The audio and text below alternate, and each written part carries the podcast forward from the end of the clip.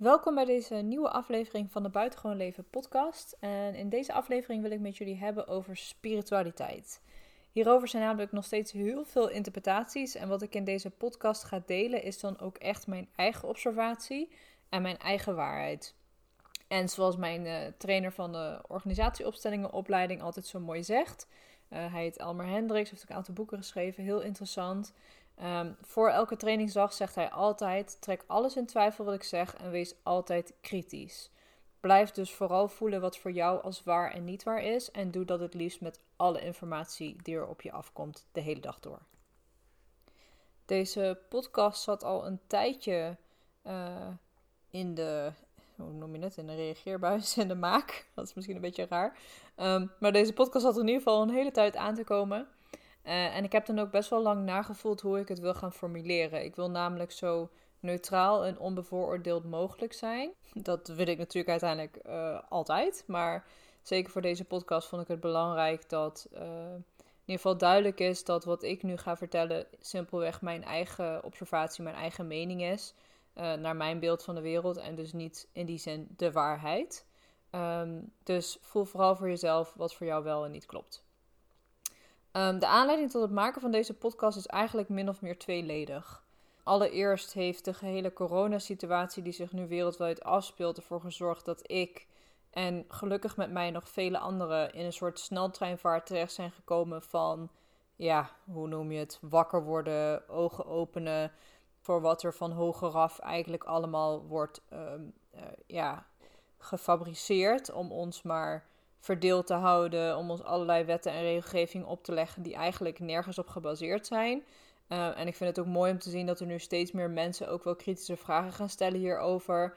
En het ook veel belangrijker gaan vinden van, ho, wacht eens even, maar hoe zit het dan met onze eigen individuele vrijheid en is die er eigenlijk wel? Nu was ik al veel langer bezig met het onderzoeken van allerlei zogenaamde complottheorieën, zoals ze dat dan noemen. En de komst van corona heeft dat eigenlijk een, een nieuwe duw gegeven. De tweede reden waarom ik deze podcast opneem vandaag is de golf aan protest en de beweging die je nog steeds voelt um, naar aanleiding van de moord op George Floyd. Voor de mensen die dit gemist hebben, dat kan bijna niet, maar ik noem het toch maar even. George Floyd, George Floyd is een zwarte man uit Amerika die onlangs door politiegeweld om het leven is gebracht, waarna wereldwijd protest, protesten op gang zijn gekomen en er opnieuw aandacht wordt besteed aan racisme. En het dus ook nog steeds super actueel is en mensen daar ook steeds bewuster van worden. Althans, dat merk ik bij mezelf en dat merk ik ook in mijn omgeving. Ook dit heeft voor mij weer veel nieuwe inzichten gegeven en mijn ogen weer verder geopend. En het heeft me ook extra bewust gemaakt van hele groepen mensen die zichzelf spiritueel noemen. Uh, maar zich tegelijkertijd compleet afsluiten van wat er gaande is onder de noemer. Ik wil me niet bezighouden met negativiteit. Hier wil ik me niet mee bezighouden, want dit is allemaal uh, zware energie. Of hè, dan trek je alleen maar meer aan van datgene. Uh, maar ook als je kijkt naar racisme, zijn er een heleboel mensen die dan die zeggen: Ik ben spiritueel. Uh, en dan vervolgens een post plaatsen van: Ja, um, ik doe niet mee aan de Black Lives Matters, want ik vind dat all lives matters. En dan heb je de boodschap, dus wat mij betreft, echt totaal niet begrepen. Wat ik nu veel zie gebeuren op social media. En dan bedoel ik even met name Instagram, omdat dat ook het kanaal is waar ik zelf actief gebruik van maak is dat het mij steeds, en meer, steeds meer en meer op begint te vallen dat je enorm veel mensen hebt die zichzelf de spiritueel noemen, of spiritueel coach zijn, of spirituele zus, of spirituele zo.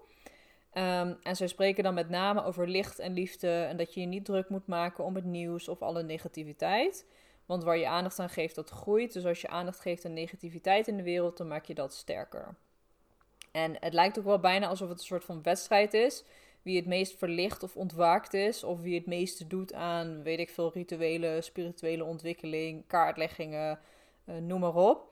En sorry dat ik het zeg, maar veel van die accounts, uh, bij veel van die accounts heb ik echt wel mijn vraagtekens hoe echt en oprecht het allemaal is.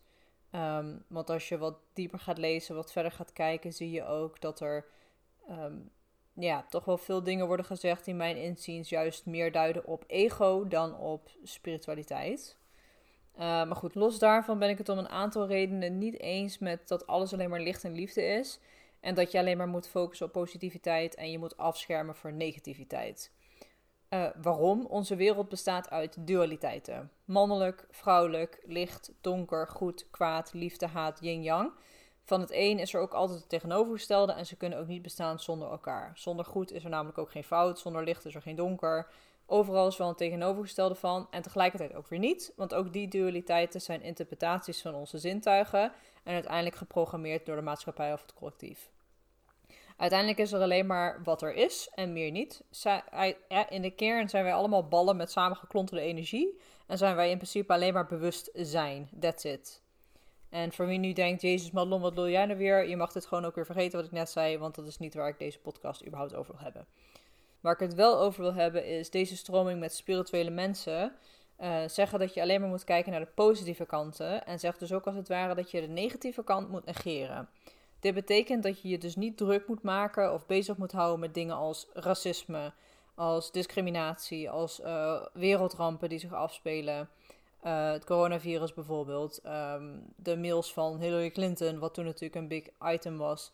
Uh, maar ook dingen als pedofilie, als satanistische seksrituelen onder elite, politici, beroemdheden die op de dag van vandaag nog steeds plaatsvinden. Uh, de manipulerende, programmerende media, mensensmokkel, kinderhandel, dubbele agendas van regeringen en allemaal dat soort zaken. Uh, dat zijn allemaal negatieve dingen. Daar mag je het dus absoluut niet over hebben. Want door hier aandacht aan te geven, geef je tussen aanhalingstekens het kwade meer macht. Hier gaat het mijn inziens helemaal mis. Dit werkt namelijk ook niet op persoonlijk niveau. Als we het even gaan inzoomen op jou als persoon. Um, hoe harder jij sommige gedragingen, gedachten of emoties weg probeert te duwen, hoe meer ze er niet mogen zijn, hoe meer wortels ze krijgen om zich juist vast te zetten. Hoe groter je angst om je eigen schaduwkanten aan te kijken, zo sterk aanwezig is je ego of je geprogrammeerde identiteit, hoe je het ook wil noemen, nog steeds aanwezig. De, zoals ze zich noemen, spirituele mensen die zich alleen maar bezighouden met licht en liefde, het hard schreeuwen, hoe bewust en ontwaakt ze zijn, uh, oordelen over mensen die tussen aanhalingstekens niet zo spiritueel of nog niet zo bewust zijn als zijzelf, zijn wat mij betreft eigenlijk totaal niet spiritueel. Pas wanneer jij je schaduwkanten ook echt durft aan te kijken en te erkennen en er dus ruimte voor maakt, ontstaat er ook mogelijkheid om deze kanten te transformeren en te groeien naar wie je werkelijk bent, namelijk een, spiritueel, een spiritueel wezen met een menselijke ervaring. En precies datzelfde geldt ook voor de schaduwkanten in de wereld. Want of jij je er nu voor afsluit of niet, er zijn schaduwkanten in de wereld. Er is negatieve energie in de wereld. Er zijn donkere entiteiten of energie of hoe je het ook wil noemen, die zijn er. Um, en door ze te ontkennen, niet aan te kijken en of onderzoeken, geven ze eigenlijk als ware het, een, vrij speelveld en meer vrijheid. Net zoals dat dat gebeurt wanneer jij de schaduwkanten in jezelf niet uh, durft aan te kijken, niet durft te erkennen. Ik wil je gewoon eens uitnodigen om je hart te openen en eens met, met compassie met liefde, met zachtheid naar jezelf te kijken en te accepteren, of in ieder geval jezelf open te stellen om te accepteren dat de enige waarheid die er werkelijk is, dat jij niet weet wat de waarheid nu werkelijk is. En zelfs dat is geen waarheid. Volg je het nog? Um, vanuit mijn ervaring met hypnose en neurolinguistisch programmeren kan ik niet anders dan concluderen. En dat is dus vanuit mijn wereldperspectief en vanuit mijn programmering die er nog steeds is dat we vanaf het moment dat we geboren worden geprogrammeerd worden in een bepaald, om in een bepaald regime te passen. Om in de maan te lopen zoals de huidige maatschappij ingericht is.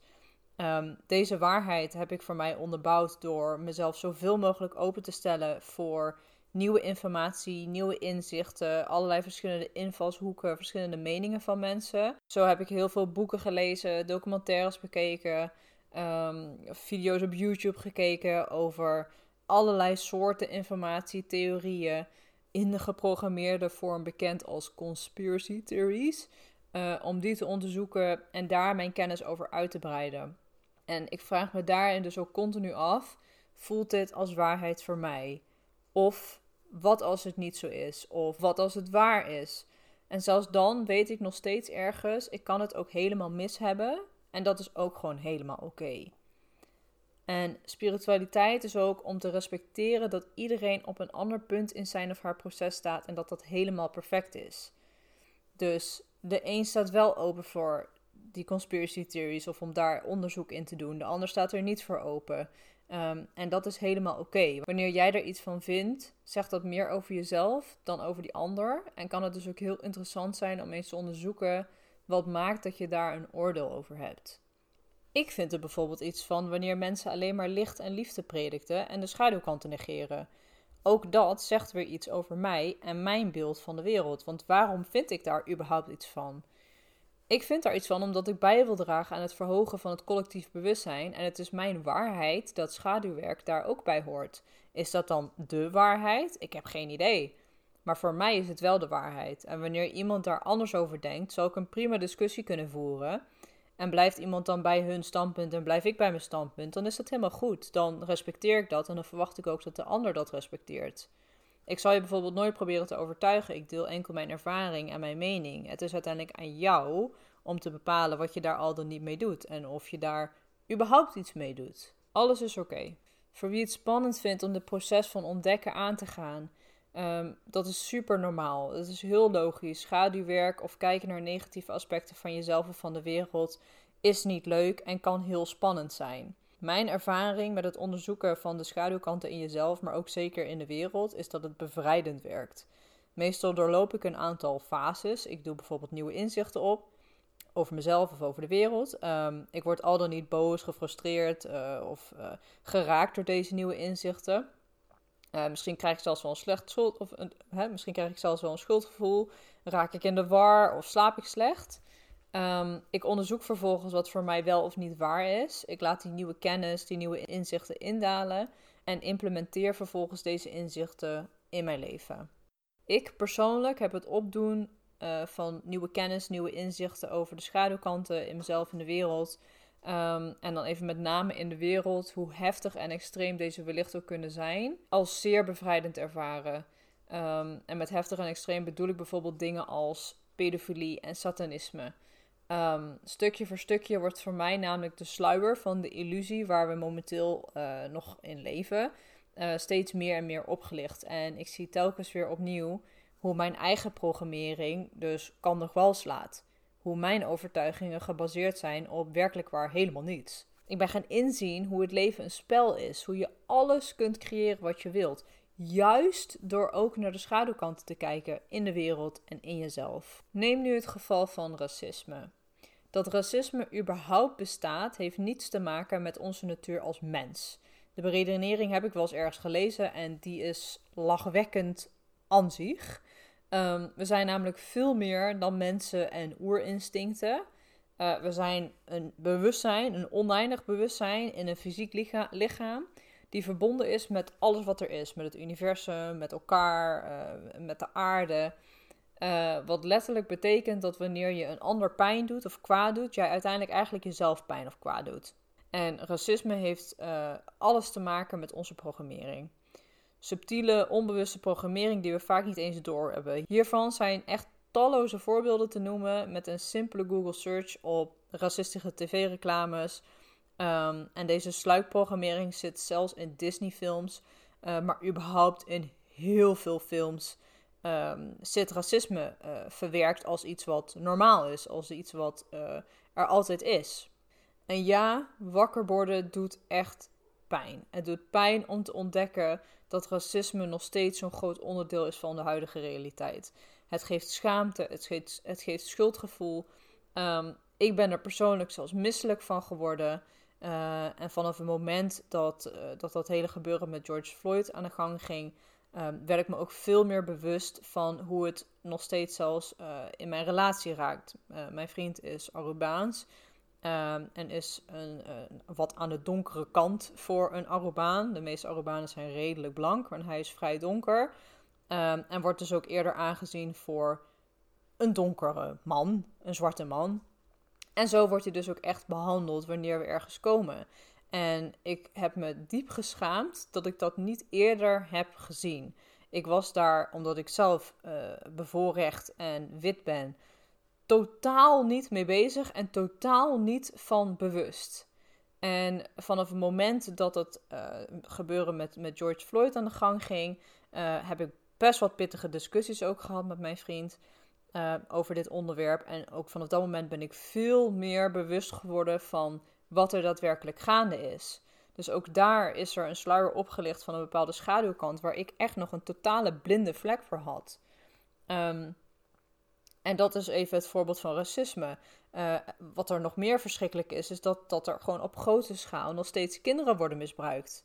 En worden ingezet voor satanistische rituelen. Het is misdadig dat de aanwezigheid van buitenaards leven bijvoorbeeld in de doofpot is gestopt, jaren en jaren en jaren lang. En ze het nu in alle chaos van corona stiekem bekendmaken. Ik weet niet wie het heeft gezien, maar ik heb het wel gezien. Um, dat in één keer uh, uh, de Amerikaanse overheid ineens allerlei documenten heeft uh, beschikbaar gemaakt. Waarin dus wordt bevestigd dat um, UFO's wel degelijk bestaan. Um, vergeten wordt dat iedere persoon die tot die tijd, tussen aanhalingstekens, geloofde in UFO's, totaal werd geridiculiseerd. Weggezet als idioot. En nu we te druk zijn met iets anders. Uh, dus ja. Weggezet als idioot. En nu zijn we druk met iets anders, we zijn afgeleid. Dus dan gaan we in één keer bekendmaken: oh ja, verrassing, UFO's bestonden toch wel.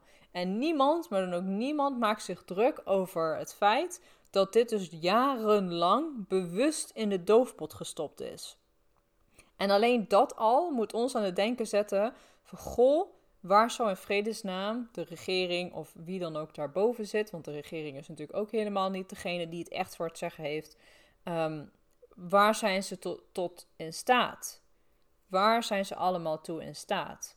En door alleen dat voor jezelf al um, jezelf af te vragen, kun je al openstellen om meer kritisch te gaan denken en voor jezelf onderzoek te gaan doen hoe het nu werkelijk zit in de wereld.